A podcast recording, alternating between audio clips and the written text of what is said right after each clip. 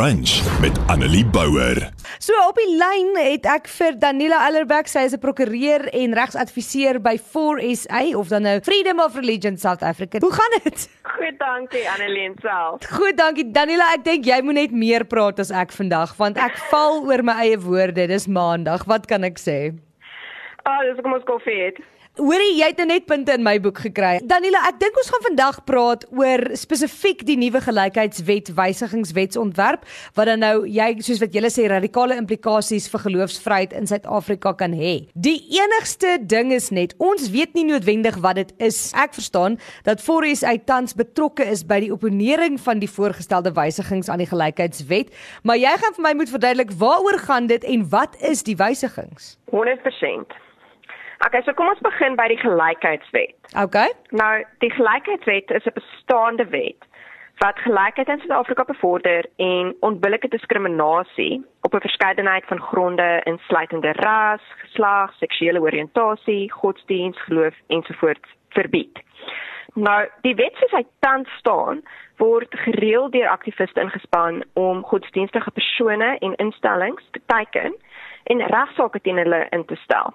Nou gewoonlik is die klagte of dat 'n persoon of kerk skuldig is aan haatspraak of onbillike diskriminasie bloot omdat hulle iets gesê het of gedoen het wat op hulle godsdienstige oortuigings gebaseer is, maar nietemin polities inkorrek is. Goed. Nou, die voorgestelde wysigings tot die gelykheidswet gaan hierdie situasie soveel vererger en godsdienstige persone en instellings in 'n byna onmoontlike posisie plaas om hulle self teen so klagte te verdedig. En as ja, wetsontwerp in sy huidige vorm aanvaar sou word, is elke godsdienstige persoon en instelling van watter geloof ook al 'n potensiële teken. En sal mens geweldig versigtig moet wees met wat jy sê en wat jy doen, want as iemand so aanstoot neem, sou hulle jou van onbillike diskriminasie kan aankla bloot omdat hulle benadeel of seergemaak voel en ongeag daarvan of dit selfs jou bedoeling was om te diskrimineer of nie. So die toets vir diskriminasie in die gelykheidswet veranderinge word geweldig subjektief. En die wetsontwerp stel ook voor dat regsaanspreeklikheid uitgebrei word sodat werkgewers nou vir diskriminasie van hulle werknemers aanspreeklik sal wees. Net selfs al die werknemer ehm um, jy weet nie eens bedoel om te diskrimineer nie en selfs al die werkgewer nie daarvan geweet nie. So, sê byvoorbeeld Annelie, jy sê iets tydens hierdie onderhoud, ehm um, wat iemand anders as diskriminerend sou beskou, jy weet omdat hulle benadeel of seer gemaak voel. Ehm um, selfs al was dit nie 'n bedoeling nie, dan kan hulle 'n regsaak instel teen jou maar ook teen Groot FM. Nou hierdie, ekskuus, ek gaan jou die rede val hierso. Hierdie is 'n baie belangrike punt wat ek nie dink mense altyd besef nie, want ons is gereeld in 'n posisie omdat ons mense is wat praat oor 'n verskeidenheid van dinge soos geloof ook en onderhoude voer met iemand en uh, ons is gereeld in 'n posisie waar mense baie vinnig aanstoot neem oor iets wat ek sê of iets wat hulle dink ek gesê het of besluit het ek gesê het soms en en en die die ding is nou as hierdie ding dan nou verander, kan hulle met ander woorde 'n saak teen my maak, maar nie net teen my nie, ook teen Groot FM. Ja. 100%. O, jette, hierdie is my en groot probleem. Ja nee. Maar ek sê vertel jou net nog. Ag nee, Daniela, ek tog jy gaan my dag beter maak. Ag, oh, hoorie so, dis hoekom koffie daar is. okay, ek luister. Okay, so aanspreeklikheid word ook verder uitgebrei sodat nie net die persoon wat teen 'n ander diskrimineer nie, maar ook enigiemand wat daardie diskriminasie veroorsaak het of versoek het of aangemoedig het, aanspreeklik gehou kan word. Nou onthou dat diskriminasie nou baie subjektief getoets word skielik. So sê byvoorbeeld 'n dominee sê op 'n Sondagoggend dat Jesus die enigste weg na die Vader is. En een van die lede van die kerk post dit op Facebook na die diens en iemand lees dit en sê waar kom jy aan hierdie nonsens? En die persoon sê sê, "Wel, my dominee het so gesê." Dan sal die dominee en die kerk aanspreeklik gehou kon word want hulle is die oorsaak van die beweerde diskriminasie teen die persone van ander gelowe. Nee. Ja, ja. Goed. Okay. Nou, die wetsontwerp plaas ook 'n positiewe verpligtinge op alle individue, besighede en ander godsdienstige instellings, so kerke, om gelykheid soos wat die staat dit verstaan en soos wat dit in die wetsontwerp vervat word te bevorder. En dit sal die einde van die autonomie van kerke, private Christelike skole ensovoorts wees. Daar sal nie meer onderskeid getref word ten opsigte van wie hulle toelaat as lede, leiers, werknemers ensovoorts in kerke nie. En so dis 'n geweldige gevaarlike wetsontwerp vanuit 'n geloofsvryheidsoogpunt. En van die wat nie by die wet hou nie, is daar natuurlik gevolge. Daar's boete, selfs tronkstraf en kan selfs daarna toe lei dat kerke en ander godsdienstige instellings toegemaak word. So die gevaar is dat die wet toenemend gebruik sal word in die hand van aktiviste om persone wat konservatiewe of Bybelse oortuigings hou, stil te maak of druk op hulle te plaas om hulle geloofs-oortuigings te kompromiteer. Nou ek dink ek wil net eh, seker maak ek verstaan hierdie reg. So hierdie sal ons as Christene ongelooflik beïnvloed, maar dis nie net ons nie. Dit gaan alle gelowe dieselfde beïnvloed en dit is hoekom die staat dink dit is regverdig. Want dit gaan nie net Christene wees nie, maar dit sal 'n moslim sal nie kan sê dat sy God die enigste God is of wat hy glo nie, want dan kan ek hom nou weer aankla van dit, reg? Presies, Annelie, en dis hoekom dit so belangrik is om die reg tot geloofsvryheid te beskerm.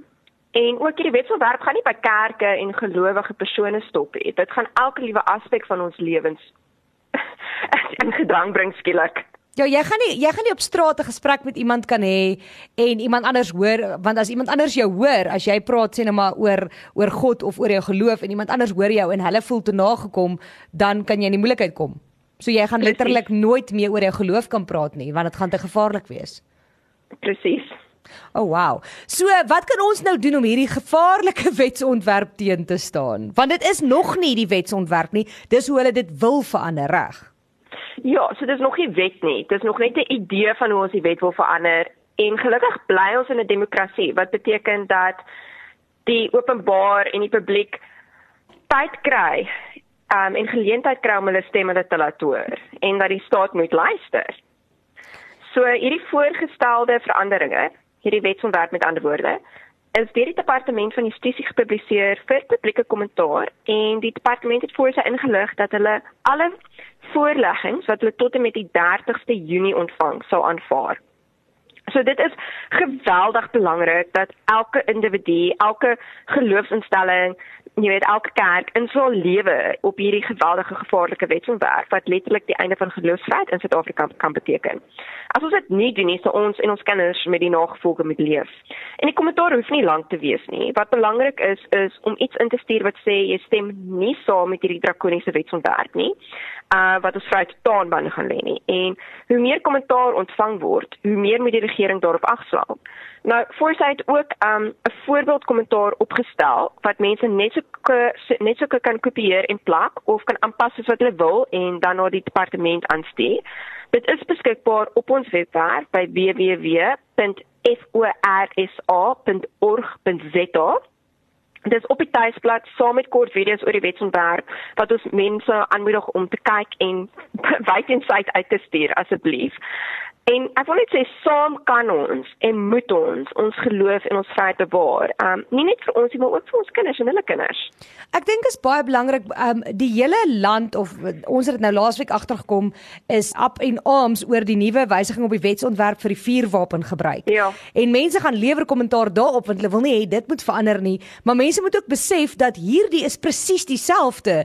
Dit is ook 'n ding waarop jy gaan moet gaan kommentaar lewer anders gaan die wet verander en dit gaan jou raak. 100% Annelie en ek dink daarom met hierdie ene is daar 'n voorbeeld kommentaar um, wat jy nou kan aflaai? Dit sal aflaai in 'n Word dokument sodat jy kan baie maklik net gou jou naam, jou inligting intik en dan die e-posadres alles is daar so jy kan dit letterlik uit die dokument uit net kopie en in jou e-pos sit en stuur en dan is dit klaar. En dan moet jy staat luister So ons bly in 'n demokratiese land, so sê van ons land wat jy wil, maar ten minste het jy die reg om te gaan kommentaar lewer en te sê wat jy dink oor die wet. So gaan doen dit. Gaan kyk op 4SA se webtuiste. Dis www.forsa for SA Freedom of Religion South Africa.org.za. En dan kan jy daai voorbeeld kommentaar daar gaan kry. Dis verniet, dis mahala, dis gratis. Gaan kry dit daar, eh, kopieer dit, verander dit soos wat jy goed dink en stuur dit dan aan. Hoorie Danila, verskriklik baie dankie dat jy dit so mooi en eenvoudig verduidelik het. Ek waardeer dit. Dankie vir die werk wat jy doen en ek gesels volgende maandag weer met jou. Ek sien uit. Annelie Bouwer, weekoggend tussen 9 en 12 op Groot FM 90.5.